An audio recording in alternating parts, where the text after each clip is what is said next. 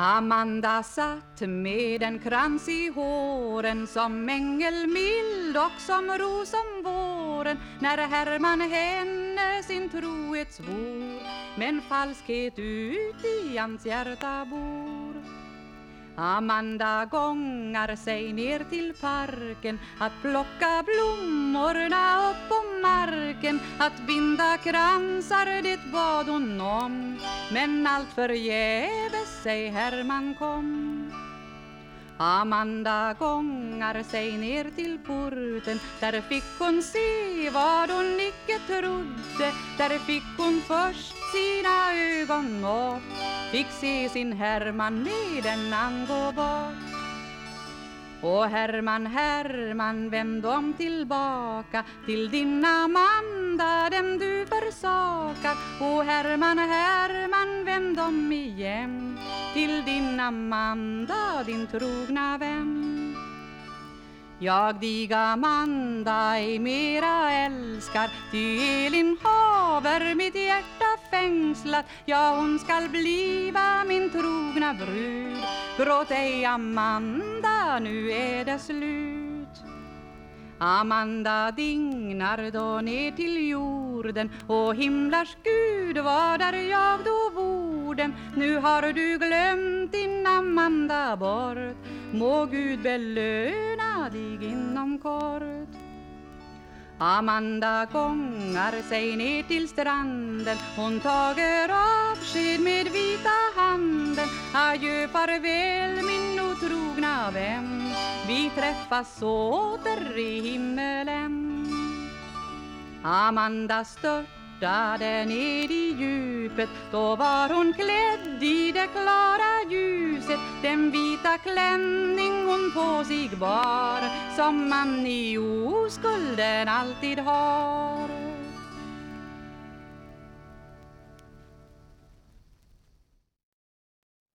Komiði sæl. Hér á undan söng Margareta Hjelmann sænsku skildingsvísuna Amanda og Hermann, sænst þjóðlag og ljóð eftir óþægtan höfund. Roland Bengtsson lék á sittru. Þetta verður síðari þátturinn um skildingsvísur, söngva af því tægi sem gefnir voru út fyrr á eldum á Norðurlöndum í einblöðungi eða tvíblöðungi og kostuðu eitt til tvo skildinga.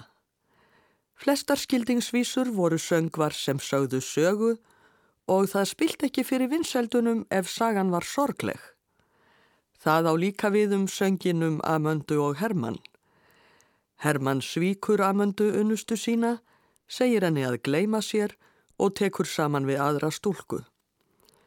Amanda kveður Hermann með orðunum, verdu sæl, ótrúi ástvinur, við sjáumst aftur á himnum, Hún rær út á sjó á litlum bát og kastar sér útbyrðis. Í loka orðum hvæðisins er því líst hvernig hún hverfur í djúpið, klætt kvítum kjól, tákni sakleisisins. Sögur af þessu tægi voru áberandi meðal skildingsvísnanna. Sviki ástum eða erfiðleikar sem komu í veg fyrir að elskendunir gætu sameinast. Sumar skildingsvísur voru byggðar á raunverulegum atbörðum og fréttir af morðum eða sjálfsmorðum urðu oft efni í söngva. Ein vinsælasta skildingsvísan af því tægi var Elvíra Madigan. Í júlimánuði 1889 fundust tvö lík hvort hjá öðru í skógi á dansku eiginni Tósingi og í ljós kom að þetta voru línudansmærin Elvíra Madigan réttu nafni Hedvig Jensen og aðalsmaðurinn og liðhjálfin Sixten Sparre. Þau höfðu verið elskendur og talið var að þau hefðu fyrirfarið sér saman vegna erfiðleika við að sjá sér farborða. Þetta þótti af var romantist og hafði mikil áhrif á skáld og listamenn. Sakfræðingum sinni tíma finnst hins vegar ímislegt benda til þess að Elvíra hafi dreyjist hálf nauðu inn í samband sitt við Sparre sem hótaði að fyrirfara sér ef hún vildi ekki elska sig og þá virðist einnig vafasamt að tvöfalda sjálfsmorðið hafi verið með hennar vilja enda var ljóst að Sparre hafði fyrst skotið hanna og svo sjálfan sig. En almenningur leit á atburðin sem spennandi og sorglega ástarsögu eins og framkemur í skildingsvísunni Elvira Madigan. Raunar voru ortar nokkrar skildingsvísur um atburðin en svo frægasta er eftir Jóhann Lindholm Saxon rittstjóra. Saxon hafði hitt Elvíru Madigan þegar Madigan sirkusinn kom til Sundsvall, heimabæjar Saxons Svo það var ekki að undra þótt hinn sorglega frétt um dauða, elvíru og sparri hefði mikil áhrif á hann.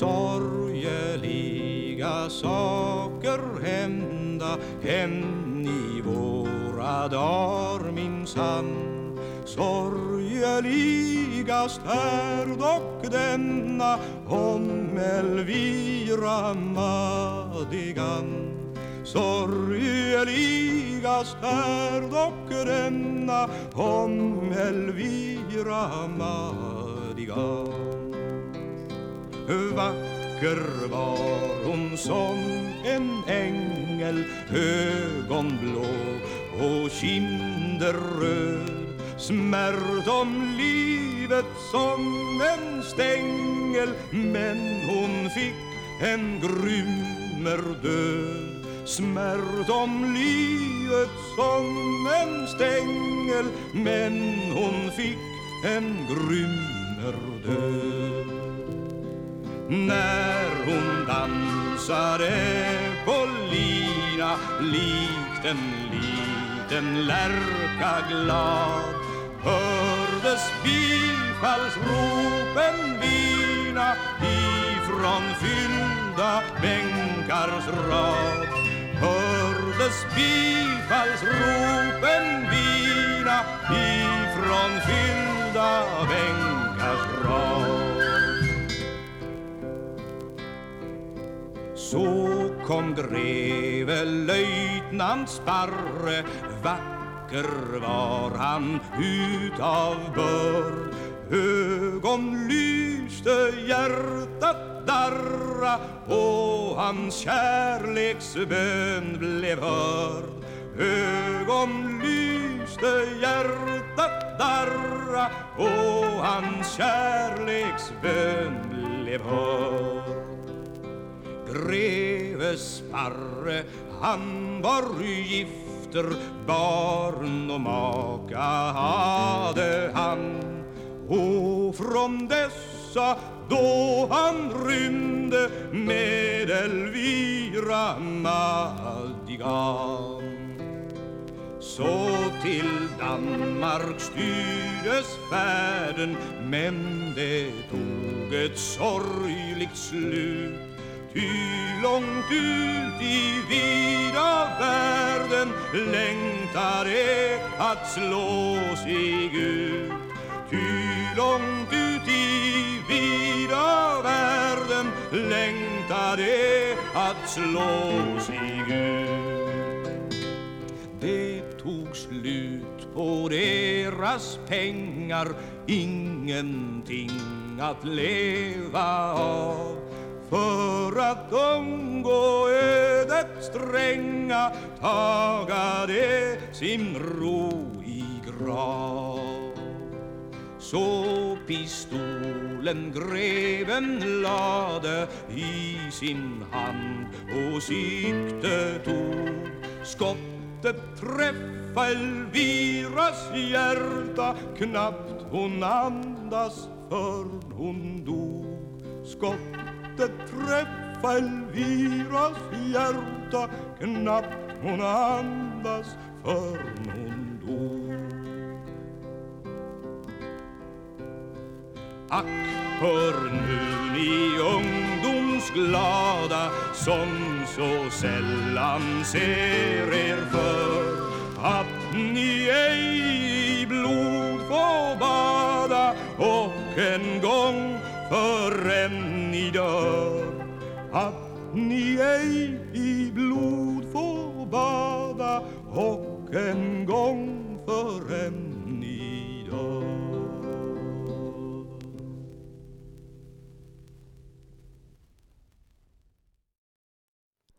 Sven Bertil Tóp söng skildingsvísuna Elvíra Matigan. Ulf Björling útsetti lægið og stjórnaði hljómsveitinni. Lægið er eftir óþektan höfund en ljóðið eftir Jóhann Lindholm Saxon. Þeir sem hafa lesið bækur Astrid Lindgren um prakkarastrákin Emil í Kattolti eða séð sjónvarsþættina sem byggðir voru á bókunum muna kannski eftir því að vinnukonan Lína var alltaf að syngja sorglega söngva. Það voru oftast skildingsvísur en sagt var að slíkir söngvar væru sérlega vinsælir meðal vinnukvenna. Sögurnar um Emil gerast í kringum aldamótin 1900 þegar skildingsvísurnar voru enn í blóma. Eitt söngurinn blandast inn í söguna þegar Emil dró ídulitlu upp í fánastöngina. Þetta er einn þekktasta sagan um Emil og segir frá því þegar hann hýfir ídulitlu sýstur sína upp í fánastöngina við Kattolsbæin til þess að lofenni að sjá fagurt útsýni. Foreldrar þeirra eru ekki hrifnir og Emil er lokaður inn í smíðakofa. Honum finnst þetta óréttlátt þar sem hann ætlaði bara að gleðja ídu og þegar smíðakofin er opnaður aftur er Emil strókinn. Þar sem Emil hefur komist út með því að setja planka á milli tveggja glukka, sjást engin spór og engu líkara en hvarf hans sé yfirnáttúrlegt. Þá brast Ída litla í grát. Hvað hafði komið fyrir Emil? Lína söng oft vísu sem var svo sorgleg. Hún var um stúlku sem breyttist í kvítadúfu og flög upp til himna í stað þess að dúsa í ógeðsleiri gattatunnu sem hún hafði verið loku niðri í. Hafði Emil ekki einmitt verið lokaður inni? Hver vissinum að hann hefði líka breyst í fuggl og flóið burt? Íta litla leiti í kringum sig hvort hún sæði nokkra dúfu. En það eina sem hún sá var feit, hvít, hæna sem vappaði utan við smíðaskemmuna og týndi maðka. Íta litla bendi grátand á hænuna. Þetta er kannski Emil, sagði hún. Það var Vilborg Daberstóttir sem þýtti sögurnar um Emil í Kattholti. Söngurinn sem Ída litla er þarna að hugsa um er Liten Karin, sænst þjóðlag og þjóðkvæði sem Mark Sinnis var gefið út sem skildingsvísa. Talið er að uppbrunna kvæðisins megi rekja til sagna um píslarvætti heilarar Katrínar frá Aleksandríu. Í safni Árna Magnússonar má finna nokkur hljóðrita þessum söng í íslenskri þýðingu þar sem hann hefst á hendingunni í vist á kongskarð komin og má af því sjá að hann var líka sungin hér á landi. Við skulum nú heyra Guðmund Þorsteinsson frá Lundi syngja kvæðið. Þetta er hljóðritun frá 1964 en Guðmundur var fættur 1901 á brennistöðum í Suðurmúlasíslu. Lægið er sænska þjóðlægið lítið breytt. Í vist á kongsgarð komin, hún Katrín litla var, sem lísi lokstjæri stjarnar, hún langt að þerðnum bar sem lísi lokstjær stjarna, hún langt af þernum bar.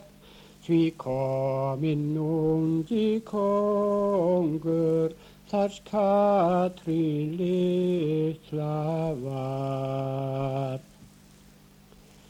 Ef kýst þú Katrín litla, að kom og verða mín. Þér essi gráa gef ég sem glæst að príðistinn. Ég essi grátt ég dýrnist sem gullin söðul ber. Þessum þú eigin drotning en næru gríða mér. Ef kýst þú Katrín litla að kom og verða mín. Hér gull kórónu gef ég sem glæst af príðistín. Ei gull kórónu gyrnist sem glæst af príði ber. Þessum þú eigin drottning en næru gríða mér. Ef kýst þú Katrín litla, svo kallt að sinja mér. Í greipa gata tunnu, þá grítri læt ég hér í greipa gata tunnu, þó grítu látir mér. Þá sjá Guðs englar smáu, að saklaus megi ég er. Í greipa gata tunnu, Þeir grítu ringa þall og siklingsveinar veldu þar svanum þveran vall. Tvær dúfur líður lofti, svo ljósar eins og snjár. Þá leist var Katrín litla í loftu flugu þrjár. Guðmundur Þorsteinsson frá Lundi söng hvæðið um Katrínu litlu í vist á Kongsgarð komin. Ekki er vitað hver þýtti hvæðið en Hallfreður Örn Eiríksson og Sven Nílsen gerðu hljóðrítunina fyrir Árnarsafn árið 1964. Þegar bækurnar um Emil í Kattholti eru lesnar, kemur í ljós að það er ekki aðeins vinnukonan Lína sem syngur skildingsvísur. Vinnumadurinn Alfreð gerir það líka, til dæmis þegar hann situr hjá Línu á tungskinsbjörtu kvöldi og spilar á harmoniku. Af vígvelli rýður húsarinn heim, söng Alfreð. Emil heyrði það þar sem hann sat á fjálhökinu og andvarpaði þungan. En Lína lagði handleikin um hálsin á Alfreð og nauðaði eins og hún var vön að gera og Alfreð svaraði eins og hann var vanur að gera. Jó, ég get náttúrulega tekið mig til og gifst þér ef þú endilega vilt það, en ekkert likur á. En á næsta ári þá sagði Lína ósvejanleg og þá andvarpaði Alfreð enn þingra en Emil og söngum ljónsbrúðina. Vísanum húsarann sem Alfreð syngur hefst á sænsku á orðunum Húsaren hann rýðir í frón slagfeltet hemm og líklega er þetta sama kvæðið og Margareta Kjellberg hefur sungið inn á plötu með upphafinu Húsaren hann rýðir í frón fremmandi land. Húsarinn Albert kemur heim úr stríði en uppgöt var þá að unnustu hans, Elínu, hafa verið sagðar legasögur um að hann sé fallin og hún á þennan dag að giftast Frans, bróður Alberts. Þar sem hjónavíslan hefur ekki enn farið fram, hefði maður haldið að Elín og Albert erðu hæst ánægð að hann skildi koma í tæka tíð og þau tækju einfallega saman aftur.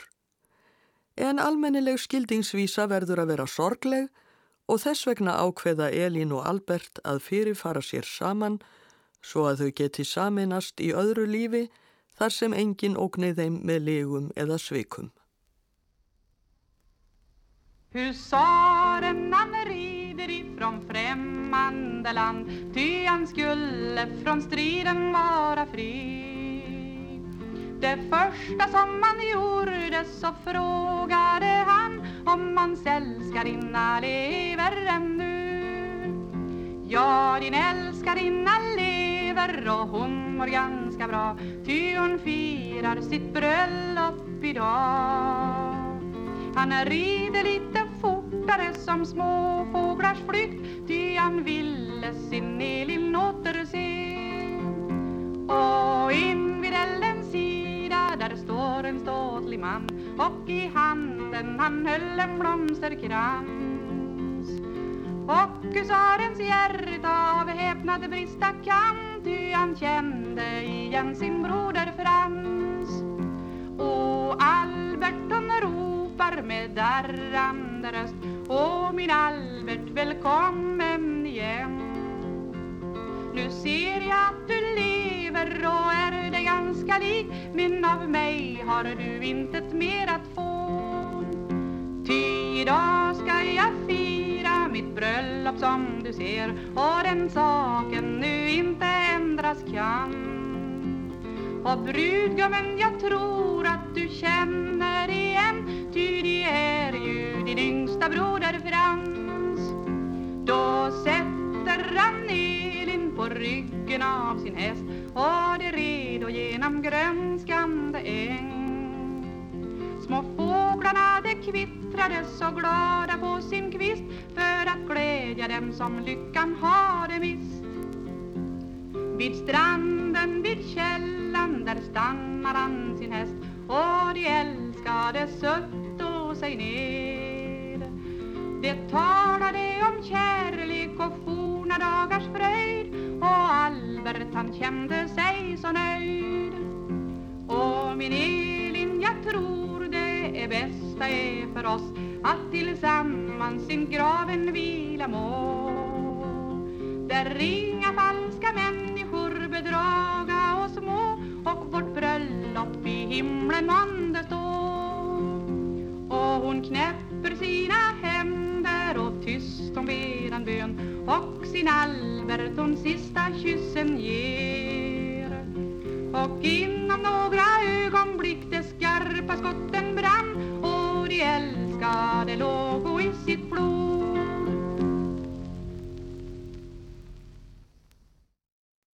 Margareta Hjelberg söng og lék á gítar sænsku skildingsvísuna Husarvísan, lag og ljóð eftir óþektan höfund.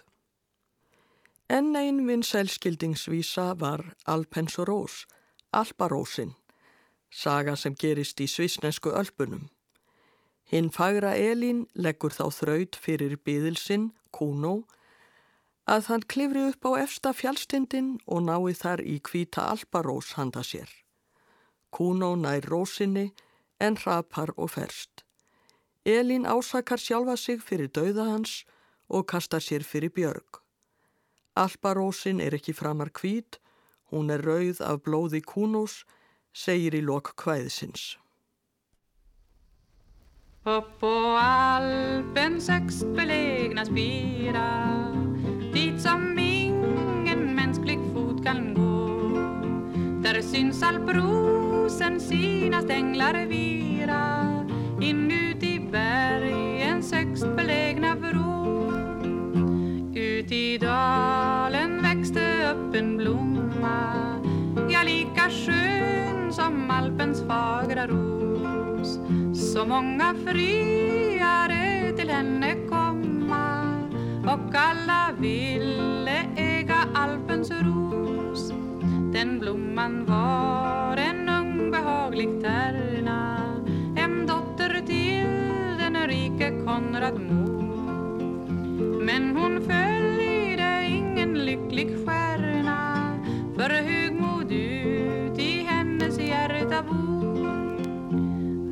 i blommor suckade hon ofta. Den som finge äga er en stund.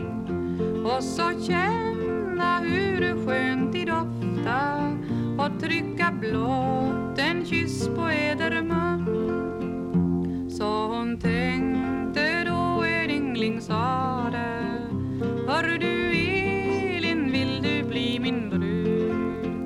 Allt mitt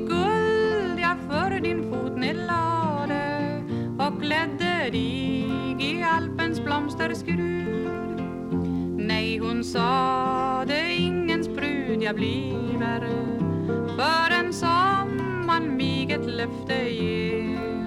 Och det är att han mig en allbros giver en enda blott jag fodrar icke mer. Och Kuno klättrar upp för bergets klippa tills han kom dit där blomman slagit rot.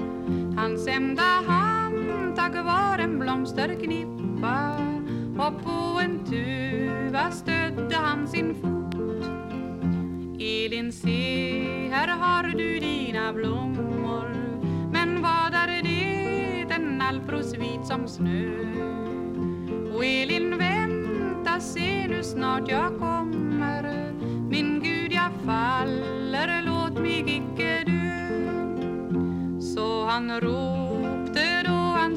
Borta neder ifrån bergets högst belägna topp Men ut i dalen ligger blott hans kläder. Och så hans rysligt sönderslagna kropp. Elin ville skynda hem från gillet. När hon fick se den döde då hon skrek. Och store Gud, själv för spillet livet för den som jag älskade. Nu ej pennan här må längre rida upp på kvinnors trots och övermod. Alpens rosor är och ej mer vita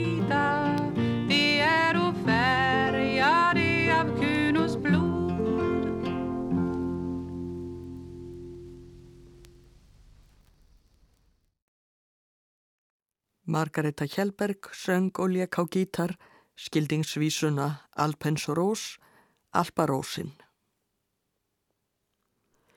Eins og framkom áðan bárust sumar norrænar skildingsvísur til Íslands og voru þýttar yfir á íslensku. Og hér voru líka ort kvæði í svipuðum anda sem sungin voru við alþýðulög.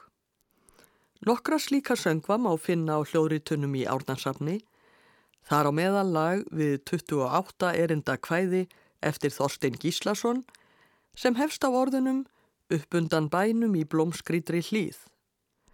Þetta ljóð byrtist undir heitinu Dáli til saga í fyrstu ljóðabók Þorsteins, Kvæði, en hún kom út 1893 þegar skáldið var 26 ára að aldri. Ólína Jónsdóttir fætt á Kaðalstöðum í Mýrasíslu árið 1910, syngur kvæðið í heild í hljóðritun Jón Samsonarssonar og Helgu Jóhannsdóttur frá 1969 og tekur það rúmar tíu mínútur. Hér verður kvæðið ekki flutt allt en við skulum grípa niður í það á tveimur stöðum. Ólína syngur nú fyrstu vísurnar sem segja frá fundi elskendanna meðan allt leikur í lindi. Upp undan bænum í blómskrítri hlýð, í blækirru veðri um hásömarstíð. Er sólinn í heiðríkju segun í mar og svalandi skugga um hlýðarnar bar. Þar gægðust upp brekkuna blástjörnu tvær, tvö brósfugur augu þar situr ein mær. Hún hönd ber við eira og hlustar um stund, nú heyri ég fótatak nálgast á grund. Á kinnarnar rósfögrum róða blæsló, því rétt þegar orðið á vör hennar dó. Var hönd hennar gripin við hlið hennar sest, hinn hjart kæri vinnur er þráði hún mest. Þau horðust á lengi, þau hugsuðu eitt og hvort annað skildi þó segð ekki neitt. Því augun þau tala best á stanna mál, ég ann þér af hjarta af lífi og sál. En pilturinn þarf að fara utan, sennilega til náms. Hann heitir unnustu sinni að hann muni koma að vetrinum liðnum og giftast henni. Hún býður hans vonglöð og óþreyjufull allan veturinn. Og loks kemur vorið en í stað unnustans kemur bref til stúlkunar með allt öðrum skilabóðum en hún hafði búist við. Með skjálfandi hendi hún brítur upp blað, ég byrð þig að gleima mér þegar í stað. Ég lifi hér gladur við lukku og seim og lít ekki framar á æfinni heim. Og blóminn í hlýðinni hnegu í blund og höfiðinn dögvuðu beigðona grund. En döggin var gremju full grátt skúra föll, því grösin í hlýðinni táruðu stöll. Og lóan sem kvakandi loftinu fló, að leita að hreðrinu á þúfunni mó. Hún söng nú með vonbrygði heitrof og harm og hjartslátt og ekka í sorgmætum barm. Og kvöldmóðan sveipaði njúkana há, hjúpur er sorgið ján lagði yfir þá. Og haflutin úti sást hregskíja blik, hegningatákn fyrir bryðmælgi og svik. Hvað sína rósir og brosandi blóm og bláloftið hljómand af söngfugla óm. Glaðvara hjartanu gleði og líf og grátt þrúna brjóstinu sorgir og kýf. Hvað er í heiminum eigður og ást, elding er fljótlega leiftrandi sást. Blómsvegur gefin af blíðustu mund, er bliknar og hverfur að lítilli stund. Allt sem þú lítur er töfrar og tál, í töfrandil speilglir horfir þín sál. Því grátandi sérðu aðeins hatur og hrigð, en hlæjandi ástúð og gleði og digð. Ólína Jónsdóttir söng síðustu erendin í kvæðinu Dáli til saga eftir Þorstein Gíslason við lag eftir óþektan höfund, hljóðritun sem Jón Samsonarsson og Helga Jóhannsdóttir gerðu fyrir Árnarsafn árið 1969. Þó að þessi saga minni að mörguleiti á sorglegu ástarsögurnar í norrænu skildingsvísunum, gengur Þorstein ekki svo langt að láta stúlkuna svifta sér lífi eins og amöndu í kvæðinu sem sungið var fyrir í þættinum. Helga Jóhannsdóttir rætti um kvæðið við Ólínu og kemur þar fram að Ólína hefur heyrt að kvæðið sé sönn saga og hafi átt sér stað í borgarfyrði. Og hvaði sem þú söngst núna, það var orðum stúlku og pilt hérna úr borgarfyrðinu. Já, þau voru bæði borgfisk. Hún var á mýrónum, hann á borgarfyrðinu. En Helga spyr Ólínu líka um söngvað sem vinsælir voru á bensku árum hennar og er fróðlegt að heyra svar Ólínu. Ólína, þú varst að segja að það hefði verið fjögur kvæði sem mest voru sungin. Já, og þau öll sem er mjög löng. Já.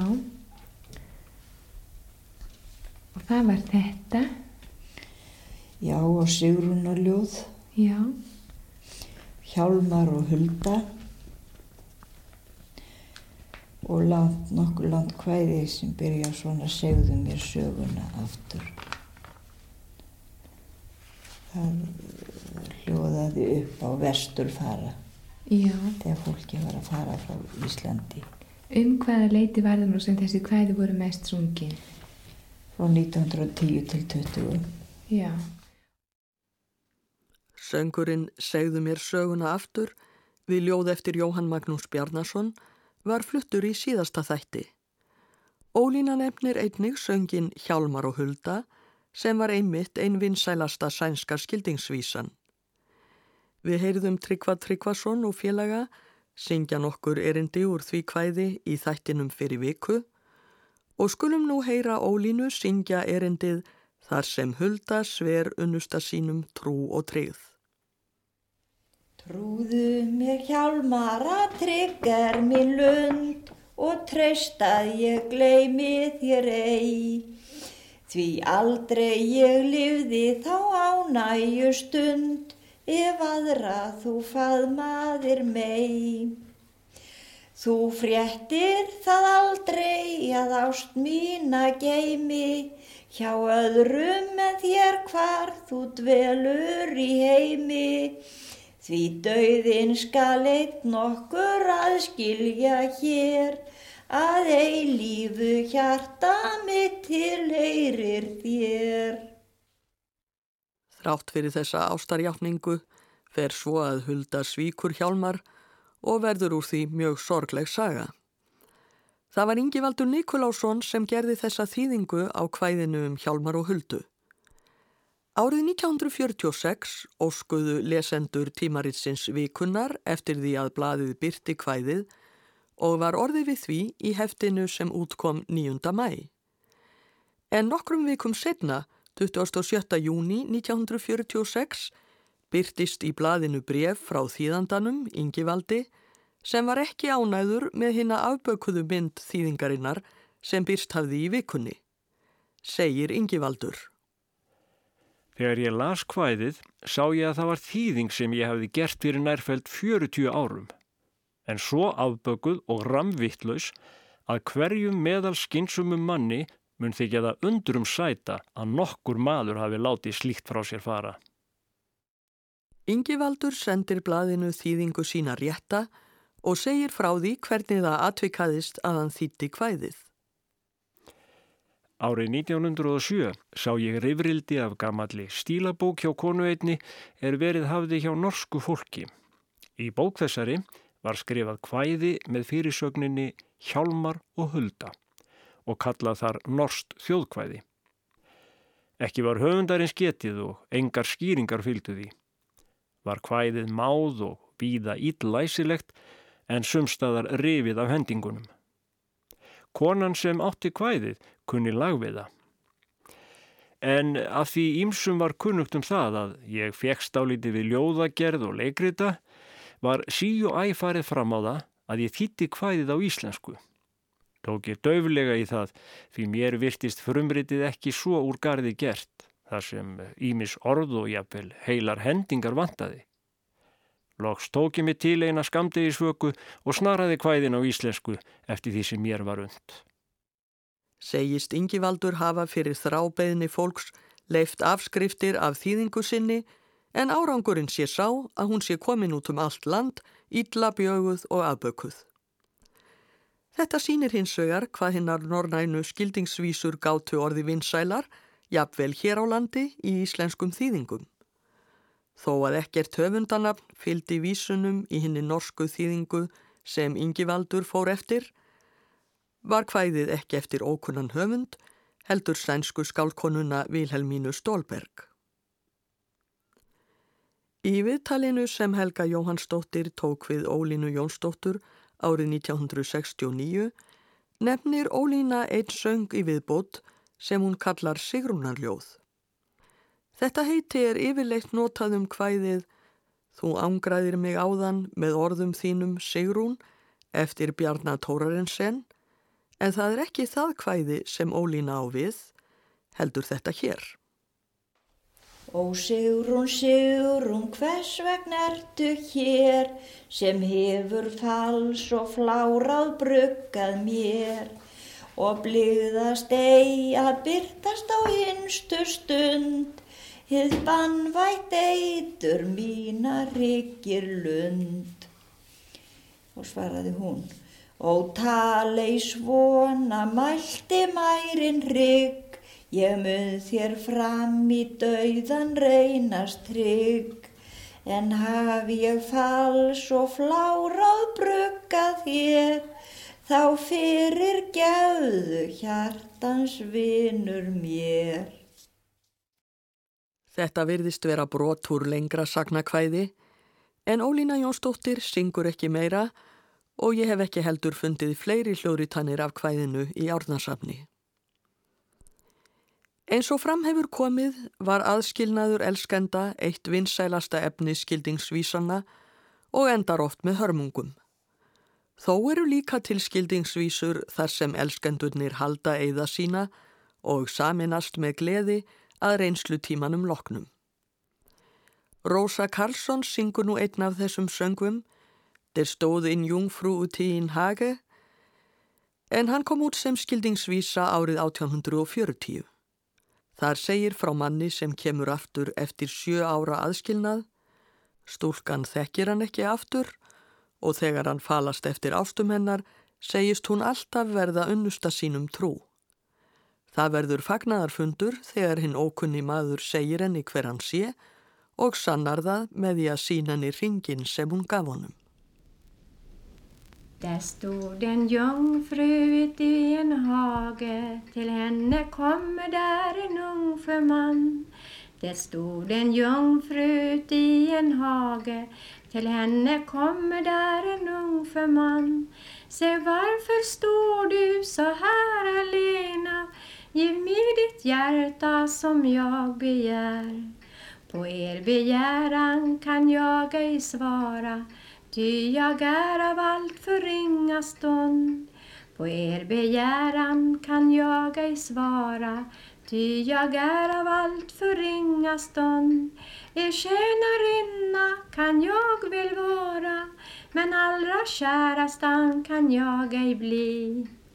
Jag har en vän om han ännu lever Som för sju år sen for bort från mig jag har en vän om han ännu lever som för sju år sen for bort från mig och lever han så har han mitt hjärta men är han död så har Gud hans själ.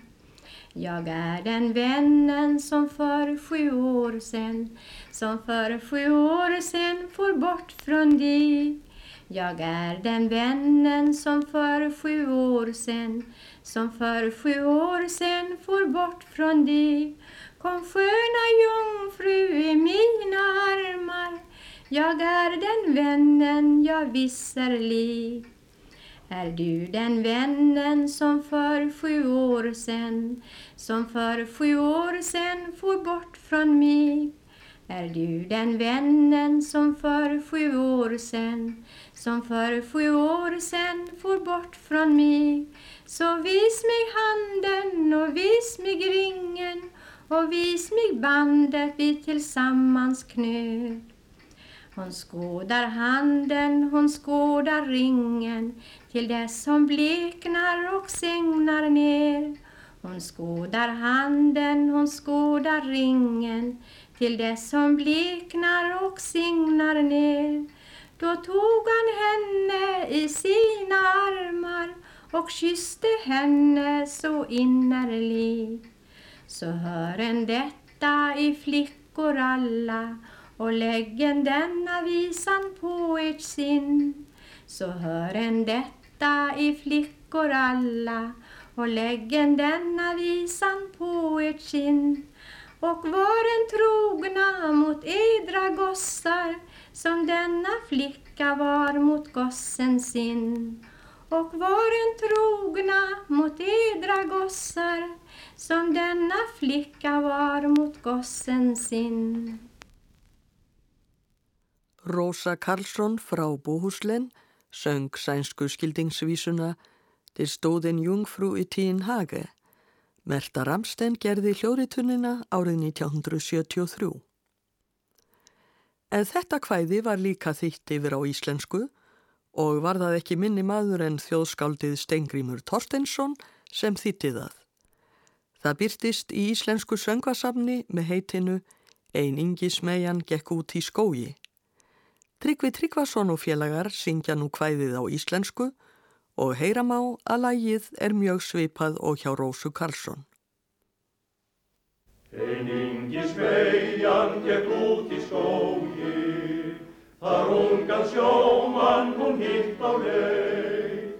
En ingi sveian gekk út í skógi, þar ungan sjómann hún hitt á leið. Hví er hún aðein hér út að ganga, hlæst ástinn hennar ef þess ég vil. Við þeirri bæn er mér þund að svara, til þess er skemmt mín svo yfri lág. Við þeirri bæn er mér þund að svara, til þess er skemmt mín svo yfri lág. Sem ambart má ég við stíður þjóna, en aldrei lofast neitt það er frá. Ég átt einn víninn sem fórburt frá mér, í fullsjö árin ég þáði hann. Ég átt einn víninn sem fórburt frá mér, í fullsjö árin ég þáði hann. Og rifið hann þá á hann mitt hjarta, en hafðan á mig þá Guð hans sál. Ég er sá vinur sem fórbur frá þér, í fullsjö árin þér glemt ég síst. Ég er sá vinur sem fórbur frá þér, í fullsjö árin þér glemt ég síst. Kom elskan fögur í arma mína, ég er sá vinur, já það er víst. Tryggvi Tryggvason og félagar sungu Einingi smegjan gekk út í skógi, þýðingu Stengrims Torstenssonar á sænsku skildingsvísunni Der stóðin jungfru utígin hage. Lægið reitning sænst og Ólafur Pétursson leik með á harmoniku. Hér hafa nú engum verið fluttar sorglegar skildingsvísur og vissulega var mikið um þær en þó má ekki gleyma því að sumar skildingsvísur voru léttar og gamansamar. Við heyrum nú eina slíka hér að lokum. Það er Sven Bertil Tóp sem syngur vísuna um dóttur Malarans, vísan om Mjölnarens dotter, gamankvæði um skálk sem lætur smigla sér inn til hinnar fögru dóttur Malarans í kveitipoka og hún tekur vel á mótjónum. Þetta er þjóðvísa sem er ekki aðeins til í Svíþjóð, heldur víðar. Með Sven Bertil spila Tóri Jansson, Lars Almgren, Jösta Ringström og Sven Nyberg á klarinett og bassaklarinett. Ég þakka hlustendum áhernina, veriði sæl.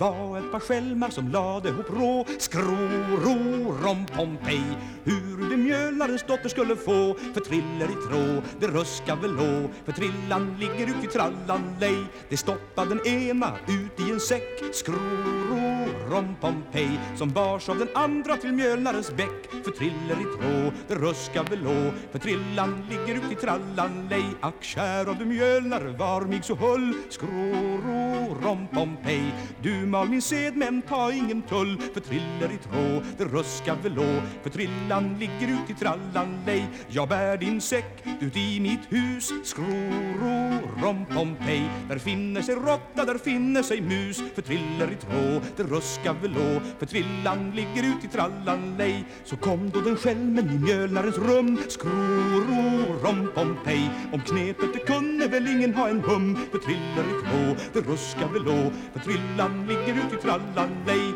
Men när det blev mörkt, ja mörkt i var vrå Skroro, rom, Pompej Då började säcken på trilla och gå För triller i trå, det ruskar väl lå För trillan ligger ut i trallalej Aj kära du far, du tände upp ljus Skroro, rom, Pompej Jag tror tjuvar och skälmar är i vårt hus För triller i trå, det hörs raska och gå. Fast trillan ligger under trallalej Nej kära mor, ni blås ut ljus Skroro rom-pom-pej. Det var fälle katten som spände en mus för ruskan blå för trillan ligger ut i trallan. Lej Då svara en kärring som på ugnen lå. Skro rå, rom-pom-pej. Den katten har stövlar med sporrar uppå på För triller i trå, ruskan blå För trillan ligger ut i trallan. Lej Och tig du kärring, du ska få skam. Skro rå, rom-pom-pej.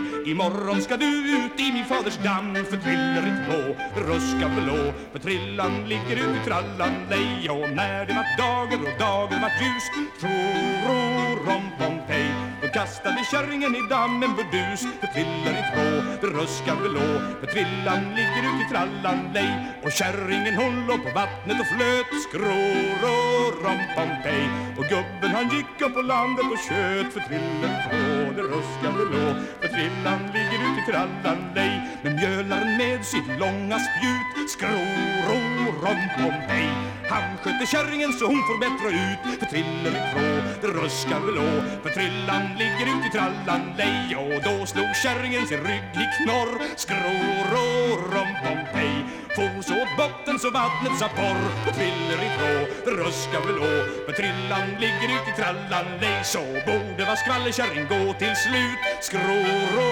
rom-pom-pej Som inte kan hålla sin syndiga trut. För tviller i två, det raskar velå För trillan ligger under trallan lej.